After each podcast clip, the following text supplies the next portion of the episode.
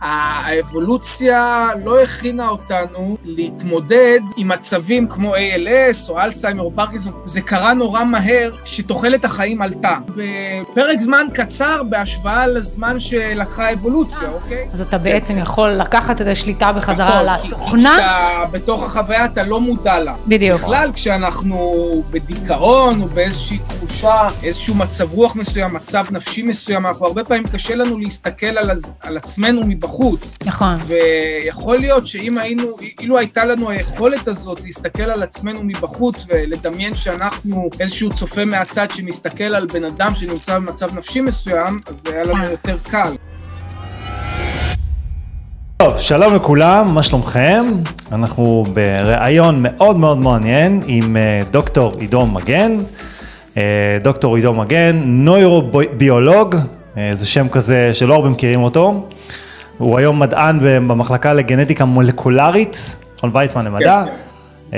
הוא חקר את מחלת הפרקינסון, ועכשיו חוקר את מחלת ה-ALS, נכון. ניוון שרירים. ובין היתר, גם נושא מאוד מעניין, שנושא של אה, סמים פסיכודליים. שאנחנו ניגע בו קצת היום. כן, ניגע בו קצת היום. אז ערב טוב, עידו, מה שלומך? טוב, שלומי מצוין, תודה, ערב טוב. אה, טוב להיות כאן, כן. כיף, כיף שבאת אלינו לרעיון. כן, תודה. אמ, טוב, אז אה, לקהל שלא מכיר אותך, אתה רוצה טיפה לספר על עצמך, ככה זה רקע כללי כזה? כן, אה, אני ארחיב קצת מעבר למה שאתם כבר סיפרתם. את הדוקטורט שלי עשיתי באוניברסיטה העברית בנושא הקנאביס, השפעות של הקנאביס כחומר טיפול למחלת כבד, אה, אבל בעכברים, לא מחלה אנושית, לא, לא בדקנו בבני אדם. אה, אחר כך פוסט-דוקטורט ב-UCLA, אוניברסיטת קליפורניה בלוס אנג'לס, בנושא הפרקינסון, כמו שאמרת, ואחר כך הגעתי למכון ויצמן, ושם אני חוקר את מחלת ה-ALS כבר אה, תשע שנים. וואו, אוקיי. נייס. מבחינתי זה סגירת, סגירת מעגל כזאת. קצת לשמוע כן. אותך, כי אימא שלי נפטרה לפני שנתיים, גם מסרטן וגם מ-ALS, אה, שהיא הסתירה אה, אותו כן. מאיתנו שנים. גם אה, וגם, כלומר היה לה גם, גם. היה לה בהתחלה, כאילו היה לה כל השנים ALS, איבדה מדי פעם את הראייה, כל מיני קטעים עצביים שלא הבנו מה קרה, והיא הסתירה את זה פשוט מאיתנו, כי היא לא רצתה להעמיס על המשפחה. ורק ממש שהיא חלתה בסרטן, היא חשפה שהיא התמודדה עם ה-ALS כל השנים, בסתר ליבה. אמא שלי הייתה אחות אה, דיאליזה וגם אה, אחות אה, טיפול נמרץ בהדסה עין כרם, וגם ניהלה את הדסה עין כרם. במש... במשמרות מסוימות. כן, אז זה יהיה מעניין עכשיו אז מבחינתי זה ממש ממש מעניין לשמוע אותך. טוב, תראה, אנחנו, שנינו בערוץ הזה, אנחנו מנגישים מידע, ובכל הקשור, לכל מה שקשור לגוף, ה mind והנפש. אנחנו מביאים פה נושאים כמו של, תחומים כמו של דוקטור ג'ו דיספנזה, כמו שדיברנו לפני הרעיון הזה. אמ, כל הנושא של מדיטציה, מה קורה למוח כשאנחנו מכינים עליו כל מיני שינוי, שינויים מחשבתיים. עכשיו, אנחנו יודעים הרי שאנחנו לא סתם מקבלים איזושהי מחלה מסוימת, הרי מגיע מאיזשהו מקור מסוים. כן. מעניין אותי מהצד שלך, אם אתה הבחנת באיזושהי דרך, במצב שבו בעצם יש לנו אפקט של פחד, או סטרס, או שגרת החיים שלנו. והאם זה בעצם מייצר איזשהו אפקט, זאת אומרת, האם זה משפיע על המוח שלנו, על, ה, על התצורה של המוח, איך בעצם זה משפיע על המנגנון שלו בהקשר של מחלות שאתה חוקר? אמ, הפחד או הסטרס הם, הם, הם קשורים יותר למחלות אה, פסיכיאטריות, פחות למחלות הנוירולוגיות כמו ALS, אה, אלצהיימר, פרקינסון וכולי. אמ, כלומר, אה, יש, יש שינויים במוח כמובן בזמן פחד, יש אזור שנקרא אמיגדלה, שהוא חלק מהמערכת הלימבית, שהוא אזור מאוד קדום באבולוציה, הוא עוזר לנו להתמודד עם אה, פחד והוא גדל במצבים של סטרס גם. האם זה, האם זה גורם בהכרח למחלות ניווניות? לא, אין איזושהי הוכחה. Okay. אוקיי. כלומר, אה, יש כל מיני תהליכים שמתרחשים בסטרס שהם מחלישים אותנו, הם מחלישים את היכולת שלנו להתמודד עם נזקים אה, גופניים או עם אה, מחוללי מחלות למשל, כי mm-hmm. סטרס משפיע על, אה, על מערכת החיסון, אבל אה, אין קשר מוכח בין אה, פחד או בין... זאת אומרת, המדע לא ממש יכול לבוא לשים את האצבע ולהגיד, בגלל סטרס, זה נוצרה. לא, לא. זה לא, לא, גם לא, גם אפידמיולוגית, סטטיסטית, אין אחוז גבוה יותר של אנשים שהם היו בסטרס אצל אלה שחולים במחלות ניווניות, אז אין איזשהו, אפילו קשר סטטיסטי. אוקיי, אוקיי. לא, כאילו אין, אין איזה משהו ידוע ומוכח ומבוסס. אוקיי, okay. אז זה מעניין, כי בוא, בוא נקפוץ ישר פנימה, כאילו, לשאלה המרכזית, האם יש כן. איזשהו כיוון לכך שיש איזשהו, איזושהי סיבה סביבתית, לא גנטית, שגורמת למחלות כמו ALS או פרקינסון שאתה חקרת? כן, אוקיי, okay, אז uh, מעניין, כי בדיוק היום נשאלתי את השאלה הזאת באיזשהו פורום אחר. Okay. אוקיי. Uh, נתתי הרצאה למורים. אה, אז התשובה היא ש-ALS אה, אין איזושהי, לא ידוע על איזשהו גורם סביבתי. אה, לגבי מחלות אחרות, אז אני יודע, פרקינסון באופן ספציפי אני יודע שכן, כלומר יש חשיפה לחומרי הדברה, מעלה את הסיכון לפרקינסון, ויש הרבה חומרים, חומרי הדברה, שאפילו משתמשים בהם אה, כדי לייצר מודלים ניסיוניים של פרקינסון בעכברים. הם פשוט הם מזריקים לעכברים את אה, חומר ההדברה וזה גורם למוח וזה גורם לאותו מופע פתולוגי שרואים במחלת פרקינסון. אותם תאים במוח מתים כתוצאה אוקיי. מההזרקה של חומר ההדברה הזה, אה, ויש, נעשה מחקר במקרה ב-UCLA, כשאני הייתי שם אז נודע לי על מחקר ש... נעשה על אה, אוכלוסיות שלמות בקליפורניה, אה, כמובן שזה היה נגיש יותר כי זה בקליפורניה, שהיה תיעוד אה, לגבי, שחיו, אוכלוסיות שחיו, אנשים שחיו באזורים חקלאיים, mm. ששם היה תיעוד של שימוש בחומרי הדברה וידעו בדיוק כמה אה, באיזה ימים אה, השתמשו ולמשך כמה זמן ומה המינון וכולי וידעו ממש להגיד מה החשיפה, מה הייתה מידת החשיפה לאנשים ומצאו קשר בין אה, מידת החשיפה לחומרי ההדברה באותם אזורים חקלאיים לבין פרקינסון, לבין שכיחות של פרקינסון. לגבי מחלות אחרות, לא יודע על אלצהיימר, על איזשהו קשר סביבתי. אנחנו okay. אוקיי. רואים את זה בחיפה, אגב. בחיפה? אה, אתם גרים בחיפה? יותר ילדים, יותר ילדים חולי סרטן, ובכלל 아, אה, אוכלוסייה כן, בוגרת שחולת סרטן, סרטן זה... בגלל ה... כן, אבל סרטן זה די ברור, זה, זה יותר כן, אה, טריוויאלי לא שזה יהיה, כי, יודעת, יש חומרים כימיים וכולי. כן, כן, כן, ברור. מחלות מוח זה פחות, אה, פחות מובן מאליו. מה, מה זה בעצם, מה קורה במוח שלנו בזמן שמתפרצת מחלת ALS? זאת אומרת, כן. מה התופעה שזה גורם? אוקיי, אמ, הגורם למחלת ה-ALS, זאת אומרת, אמ, בוא נגיד מה שמגדיר את המחלה זה מוות של אה, תאי עצב אה, בחוט השדרה, כן, שבאזור חוט השדרה המותני, כן, די אה, במותן, באזור המותן, כי חוט השדרה הוא ארוך כמובן, ושם אלה, זה האזור שבעצם אמ, אחראי על העצבוב של השרירים בגפיים. Mm-hmm. ורואים אצל חולי ALS, כן, בניתוחים שעשו לאחר המוות, רואים בחוט השדרה ממש אובדן של תאי עצב okay. אוקיי. באזור מסוים, כשמשווים אותם לחוט שדרה של אנשים בריאים, וגם רואים צווארים של איזשהו חלבון ש... שמתקפל בצורה שגויה או אמ, אמ, צורה פגומה, כן? הוא עובר קיפול פגום והוא יוצר כל מיני משקעים וצברים אה, גם במוח, לא רק בחוט השדרה. אה, החלבון הזה קשור לאיזשהו אה, שינוי, גנטי, מוטציה באיזשהו גן מסוים, ש, שהוא מהווה גורם סיכון ל-ALS. Okay. אוקיי. אז, אז זה, זה מה שגורם בעצם עכשיו, המוות, למה זה גורם לכל התופעות? כי כאמור, הנוירונים האלה הם אלה שמעצבבים את השרירים, אז כמובן שנוצר שיתוק, אנשים פשוט משותקים עם, mm-hmm. עם הנוירונים האלה מתים. אוקיי, okay. מעניין, כאילו ממה שאנחנו מכירים, מה שאנחנו ראינו זה ש... הרי יש לנו איזשהו ביטוי גנטי מסוים. כן. עכשיו, הביטוי הגנטי, תקן אותי אם אני טועה, יכול להשתנות בהתאם, ל, נקרא לזה, להוויה שלנו. לאב... לא לאבולוציה ש... שלך. כן, בדיוק, לאבולוציה. אם אתה עכשיו בסיטואציה שאתה שמח כל היום ואתה בסבבה, מה שנקרא, אז כן. מה שנקרא, אה, הורמוני הסטרס למשל פוחתים, ואז אנחנו נמצאים במצב שהוא יותר אופטימלי לגוף. הגוף שלנו יכול לייצר את החלבונים האלה, מה שנקרא, אוקיי? בצורה יותר אופטימלית, הרי אנחנו יכולים, הגוף שלנו הוא מכונת חלבונים בסופו של דבר, נכון?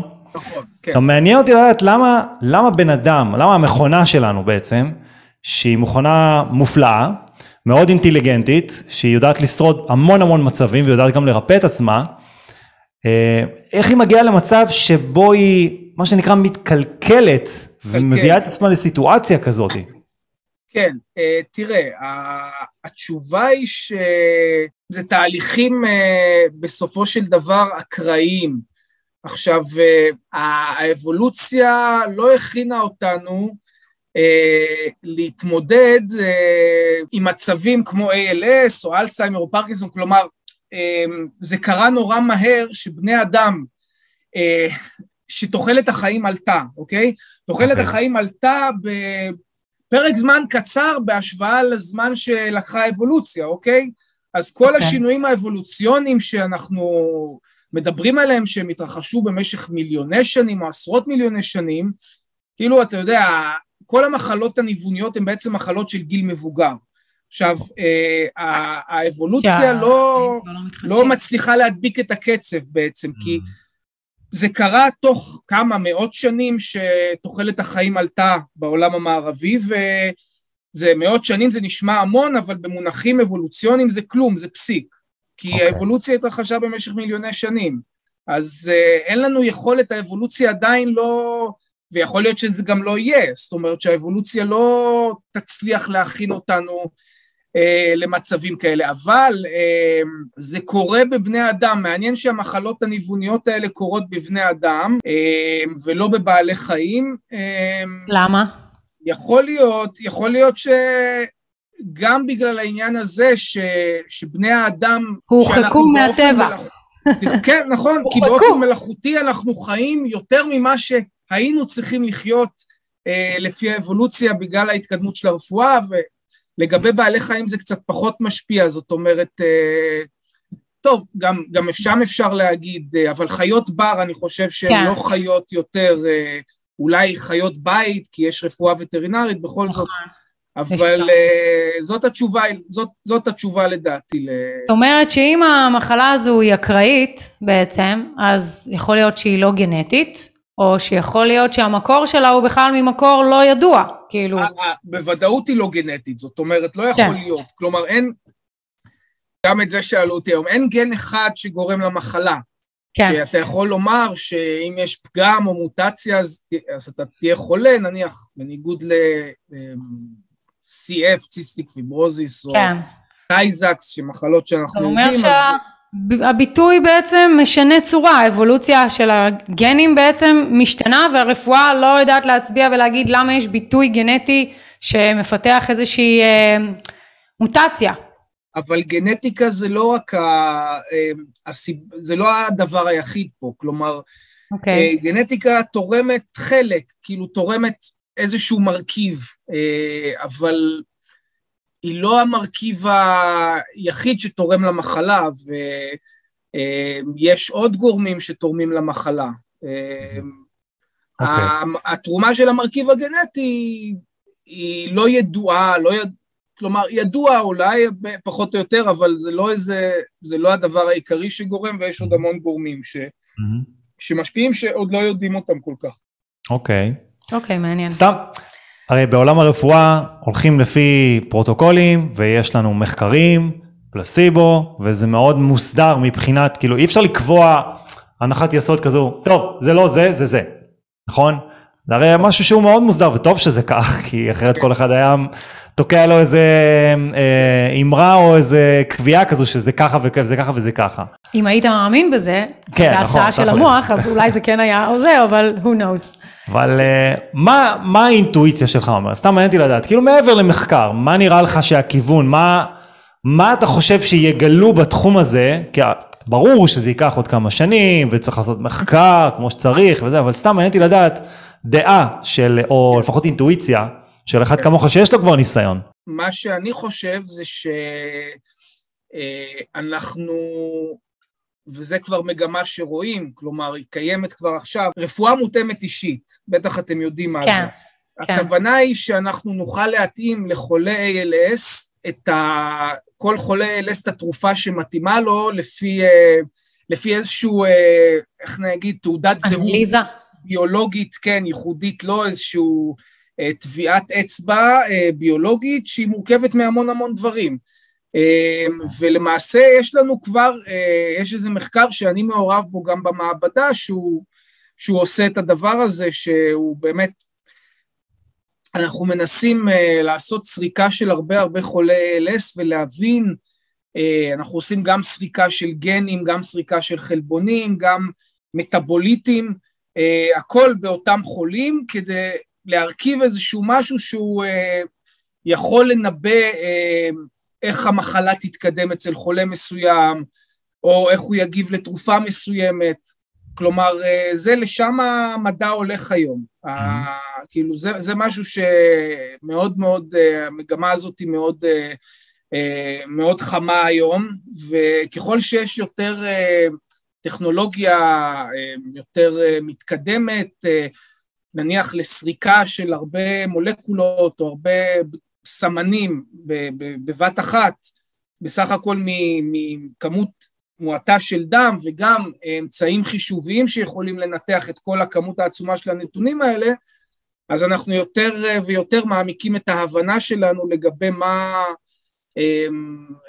מה, מה נניח משפיע על, על כך שבן אדם, המחלה אצלו תתקדם מהר יותר מאדם אחר, למה חולה מסוים יגיב לתרופה אה, מסוימת וחולה אחר לא. אז, הייתי רוצה אה, לשאול אותך לגבי כן. תאי גזע. אם הרי כן. אנחנו יודעים שתאי גזע זה בעצם מקור מאוד מאוד מאוד חשוב לבר... לבריאה מחודשת של תאים, של, של התחדשות ובעצם כן. ריפוי של הגנים, אז כן. למה לא כל המחקרים הולכים לכיוון של תאי גזע? למה לא כל תשומת הלב הולכת לריפוי הזה? מה שאת אומרת זה שגם אם אה, יש מחקרים שעוסקים בתאי גזע, אז אה, זה הדבר היחיד שצריך. אה, לא, אני שואלת, אני לא, לא. לא, לא יודעת הכל, אני כן, שואלת, האם תאי גזע יכולים להיות בעצם תשובה להמון המון כן. מחלות, ולמה לא כל המחקרים מתמקדים לא, בזה? תראי, אה, ב- ב-ALS בהחלט כבר יש, יש איזו חברה, חברה ישראלית, שכאילו הבעלים, המייסד שלה הוא פרופסור מאוניברסיטת תל אביב, והיא יושבת בניו יורק, אבל העובדים שלה הם ישראלים, והיא... אה, החברה הזאת, עכשיו הם עושים ניסוי קליני בפאזה שלוש, שזה שלב מתקדם, שמזריקים תאי גזע ממח עצם. כן. והתאים האלה יכולים אה, להתמיין לנוירונים, לתאי עצב, ולהגיע לחוט השדרה ולהחליף את תאי העצב ה- אוקיי. המתים.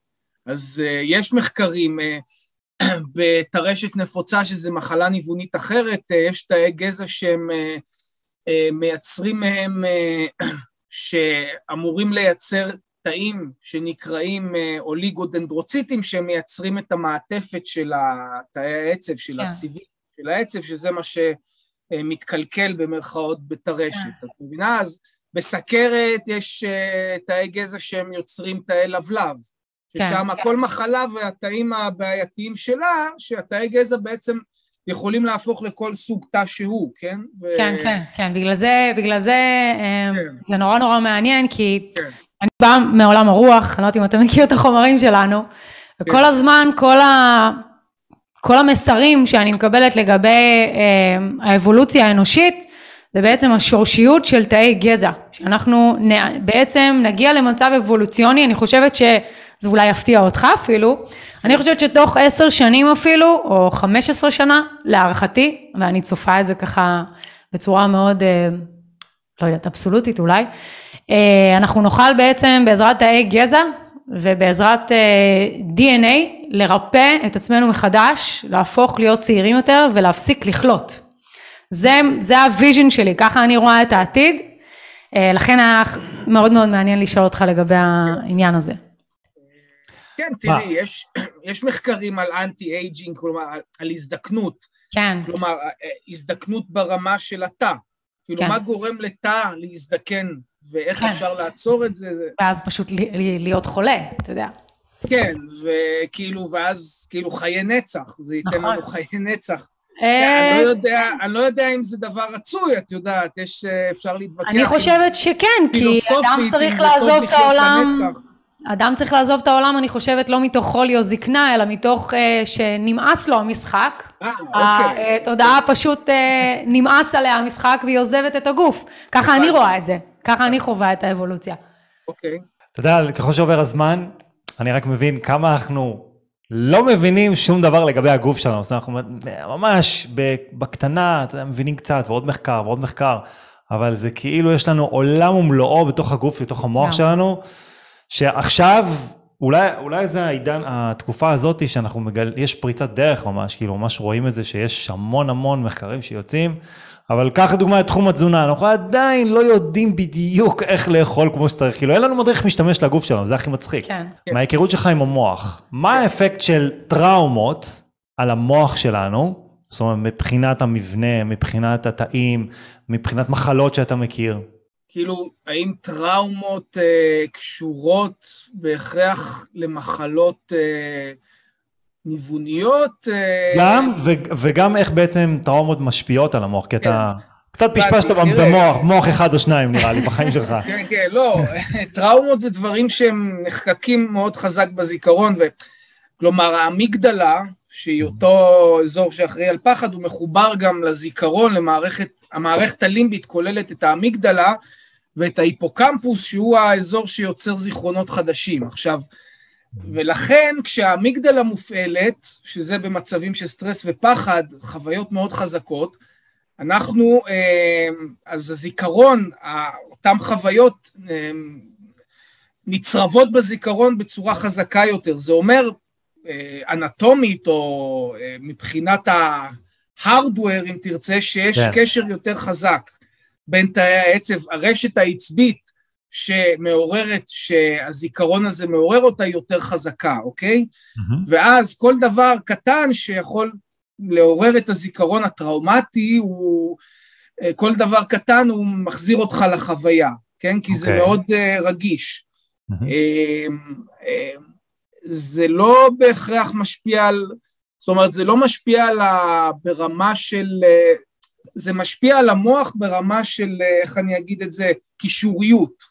של. פלסטיות, גמישות מוחית, קשרים בין תאי עצב, שהיום אה, מקובל אה, שזה מה שגורם, זאת אומרת ש, שיותר מ... אה, יותר משמספר התאים במוח הוא זה שקובע נניח את הזיכרון ואת האינטליגנציה, אז הקישוריות או מידת החוזק, החוזק של הקשר בין התאים היא, היא שקובעת אה, כמה טוב אנחנו נזכור משהו מסוים. רגע, אבל זה משהו מעניין מה שאתה אמרת כאן, כי בסדר, אנחנו יודעים שיש איזשהו אירוע מסוים, ואז הוא נחקק לנו בזיכרון, כן. במוח בעצם, באמצעות איזושהי רשת של נוירונים, כן, נכון? נכון. יופי. עכשיו, בגלל שהאירוע הזה הוא עוצמתי, מה בעצם גורם לנו לפנות לרשת הזאתי, הרי טראומה אנחנו נזכרים בה כל הזמן. לשחזר אותה. אתה ראית את זה בכל המחקר שלך על סמים פסיכודליים. ואז אנחנו חוזרים כל הזמן לטראומה הזאת, כל הזמן היא עולה לנו בזיכרון כמו פוסט, פוסט טראומטיים. לאח של נור יש אה, אח שהוא פוסט טראומטי דרך אגב. אז אנחנו רואים ש... כל החבילה קיבלתי. אתה יודע, כן, אנחנו מכירים את כל הזה. כן, אז, אז מה בעצם גורם למוח שלנו כל פעם לחזור, להצביע כל פעם על הרשת הזאתי? טוב, קודם כל אני צריך לתקן אותך, אני לא עשיתי מחקר על סמים 아, אה, אה, אוקיי. פסיכדלים, והמונח הנכון הוא פסיכדלים ולא פסיכודלים. אוקיי. אז רק להבהיר את זה, אבל אה, שוב, אה, בסוף, בסוף כל התהליכים האלה של זיכרון, הם תהליכים אה, שיודעים להגיד עד רמה מסוימת מה קורה מבחינה מולקולרית במוח. יש חיזוק של, יש תהליכים, המון המון חלבונים שמופעלים כשאנחנו לומדים משהו, והחלבונים האלה מחזקים אה, קשרים עצביים על ידי נניח כך, על ידי זה שיש יותר קולטנים או רצפטורים במוח בתא עצב מסוים, או שהרצפטורים האלה יותר רגישים וכולי. עכשיו, הזיכרון זה בעצם, אה, מה, מה, זה, מה זה נקרא שכאילו זיכרון מתעורר? זה אומר שנניח אתה רואה עכשיו, אה, יש איזה משהו שמזכיר לך משהו, איזשהו אה, גירוי חושי, אוקיי? שהיה בזמן שחווית את הטראומה, הגירוי החושי הזה נקלט על ידי אחד מאיברי החוש, אה, זה יכול להיות אה, צליל, זה יכול להיות אור, אה, משהו אה, חזותי, זה יכול להיות ריח אפילו, אולי היית בפיגוע ואתה זוכר ריח של, אה, אני יודע, חומר נפץ, לא יודע, משהו, שריפה, ואז כאילו בגלל שה... שבאותו זמן של האירוע אתה חווית את זה וזה עורר אצלך איזה משהו, אז יש איזושהי קישוריות בין האיבר שחש, שקולט את הגירוי החושי, לבין האזורים במוח שזוכרים את החוויה, ולכן זה יותר חזק, מאשר אם, אה, מאשר אם לא היית, כאילו, אם כאילו לא היית נזכר בזה, כנראה אם לא, היה, אם לא הייתה החוויה הזאת, אם לא, הייתה, אם לא היה הגירוי הזה שמעורר, כן? סתם ככה לא היית נזכר.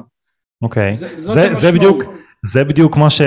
הרי מה אנחנו מלמדים בתיאוריה, כן, אני לא... לא, לא, ברור, ברור. ברור, זה מה- איזשהו מודל מאוד מאוד גס ומאוד אה, פשטני, אבל כן. מה, מה שאנחנו מלמדים, בין היתר, ב, בדרך שלנו ל- להעביר ידע לאנשים אחרים, זה בעצם מדיטציה. מה זה מדיטציה כן. בעצם? זה לעצום את העיניים, לשבת ולהגיע למצב שבו אתה לא מגורה על ידי הסביבה, אתה נמצא באיזשהו space כזה שאתה בחושך, אין לך את הגירויים שמפעילים לך את כל, ה, כי זה, את כל הופך- הטריגרים האלו, שמפעילים לך טראומות, את האזורים האלה במוח, ואז לאט לאט אתה בעצם, מה שנקרא בתיאוריה, בסדר? במודל, כן.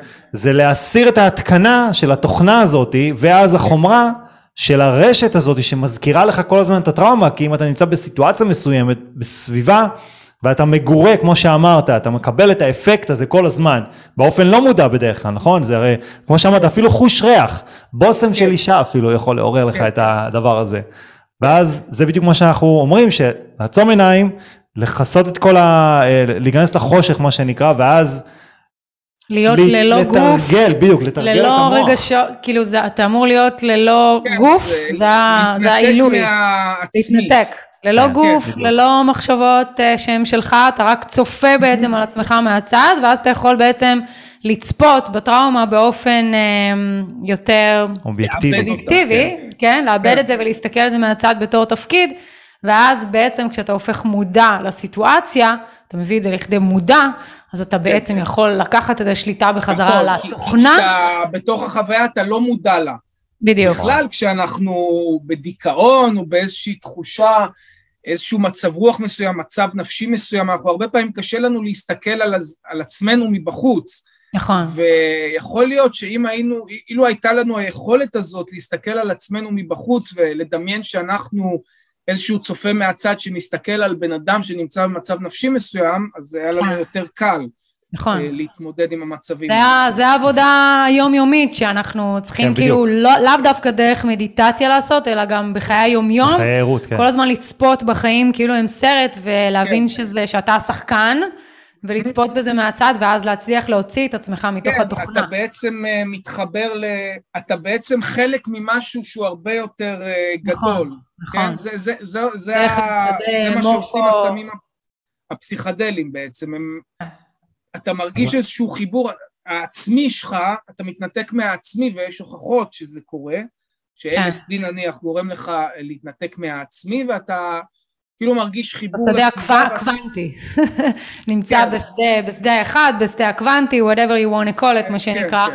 אבל uh, המטרה באמת שלנו, בכל העשייה שלנו, זה ללמד אנשים לעשות את זה בלי הסמים הפסיכדליים ובלי העזרים שגורמים לנו לצאת מעצמנו ולצפות על זה מהצד, אלא ממש ביום יום לחיות את זה. זה האתגר שלנו, אני חושבת, כאנושות, שתעבור איזושהי אבולוציה. כן. כן. אז אה, אם כבר קפצנו לנושא של כן. סמים פסיכדליים. הנושא המעניין. כן, כן, הנושא המעניין. רבים, רבים. זה היה צריך להגיע מתישהו, לא? כן, נכון. אז מה, אתה רוצה לספר לנו קצת על העשייה שלך בתחום? כן, תראה, אני כתבתי הרבה על, ה, אה, על, על החומרים הפסיכדליים, אני לא אוהב לקרוא להם סמים, כי יש לזה קונוטציה לא, נכון, נכון. לא כל כך חיובית. מבחינתי זה חומרים אה, אני אגיד חומרים אה, פרמקולוגיים, בעלי השפעה פרמקולוגית, שאפשר להשתמש בהם למטרות ריפוי, אה, אפשר גם להשתמש בהם לשינוי תודעה, אה, אז כתבתי על זה במכון דוידסון כשהייתי שם, על השימוש בחומרים האלה ל... לריפוי של כל מיני מחלות נפשיות כמו פוסט-טראומה, כמו דיכאון, בעיקר, בעיקר דיכאון, אה, פוסט-טראומה, התמכרות גם. ונתתי כמה הרצאות בתחום. אה, מה, אה, מה, קורה, מה קורה למוח שלנו ברגע שאנחנו לוקחים נניח כן. LSD? כן, אז לא... יש איזשהו, אז אוקיי, מה שקורה זה ש...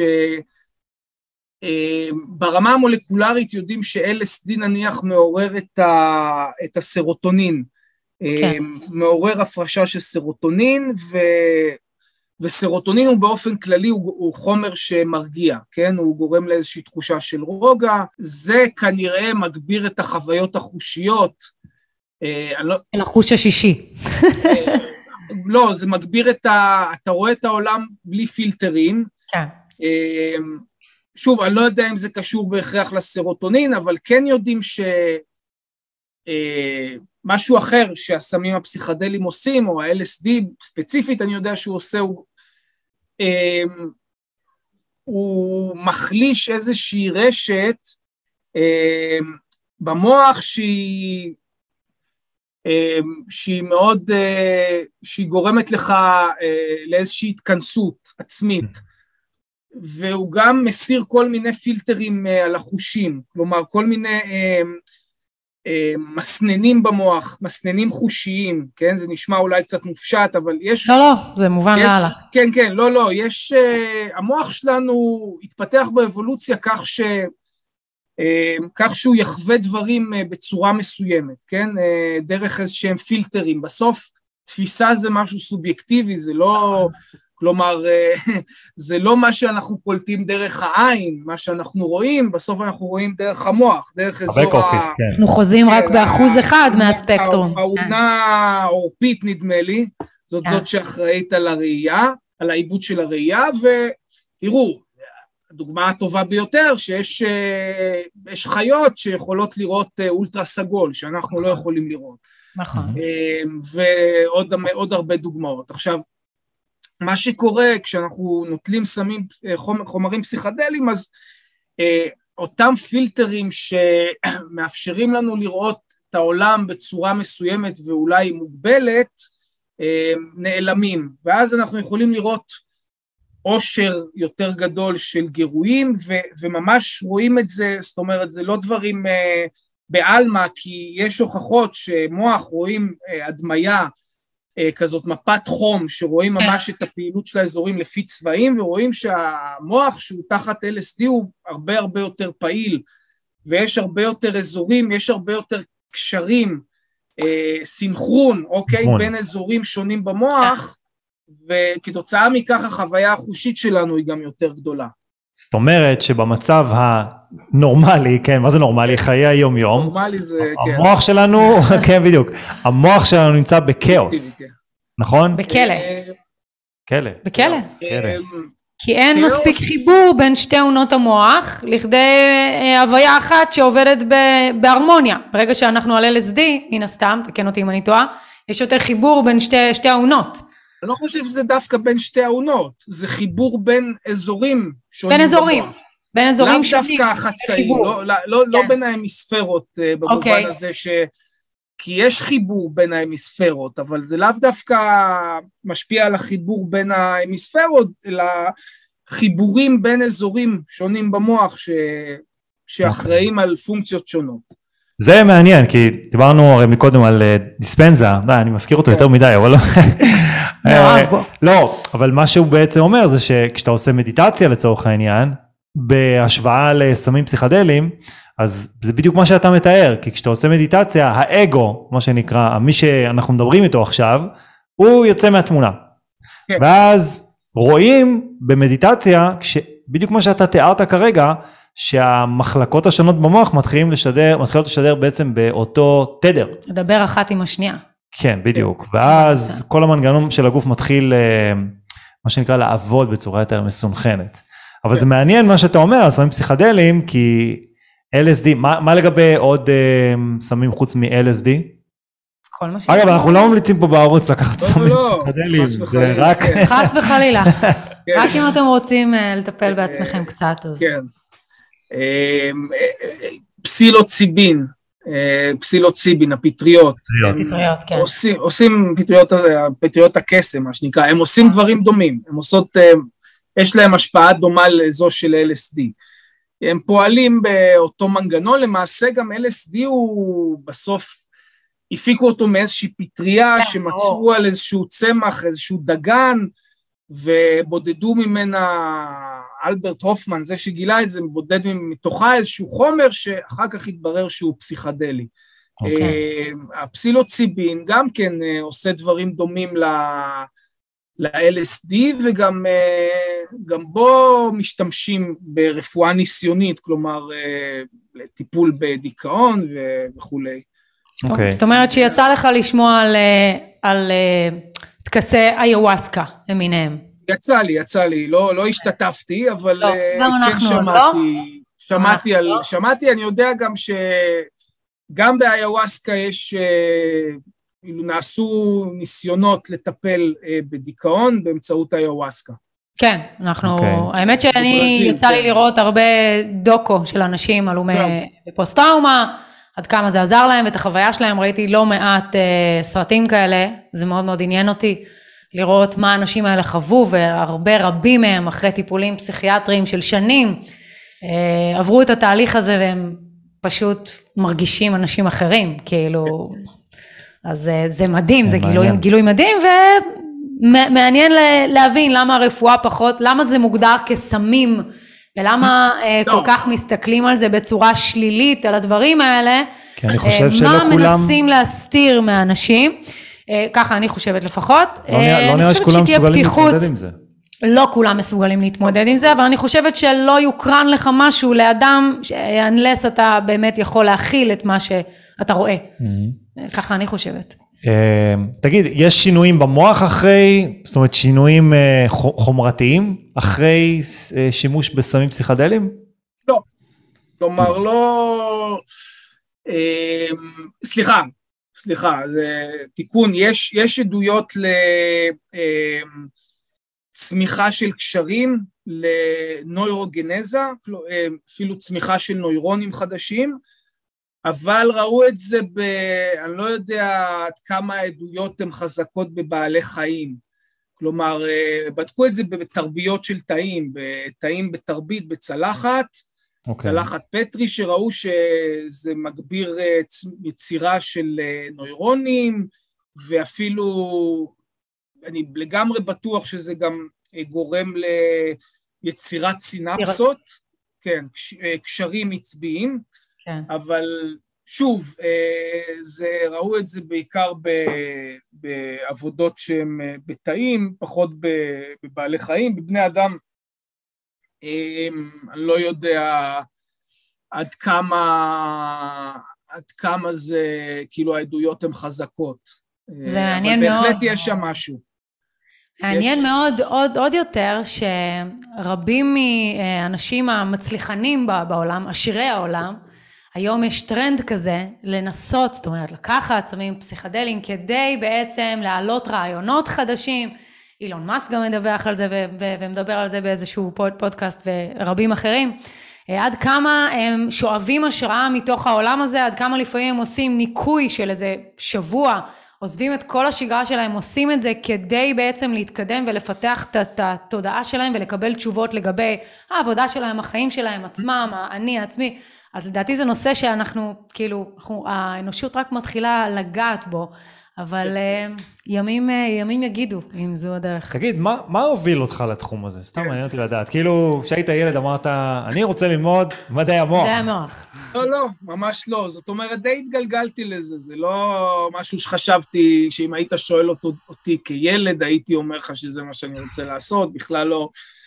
לא הייתי מודע לקיומו של התחום הזה, כמה שזה יישמע מוזר. זאת אומרת, חשבתי רפואה, חשבתי זה, חשבתי בכלל לא חשבתי בכיוון אה, רציף, ואז כאילו בסוף החלטתי שאני רוצה ללמוד ביולוגיה, ותוך כדי זה הגעתי לזה, זאת אומרת, אה, הגעתי ל...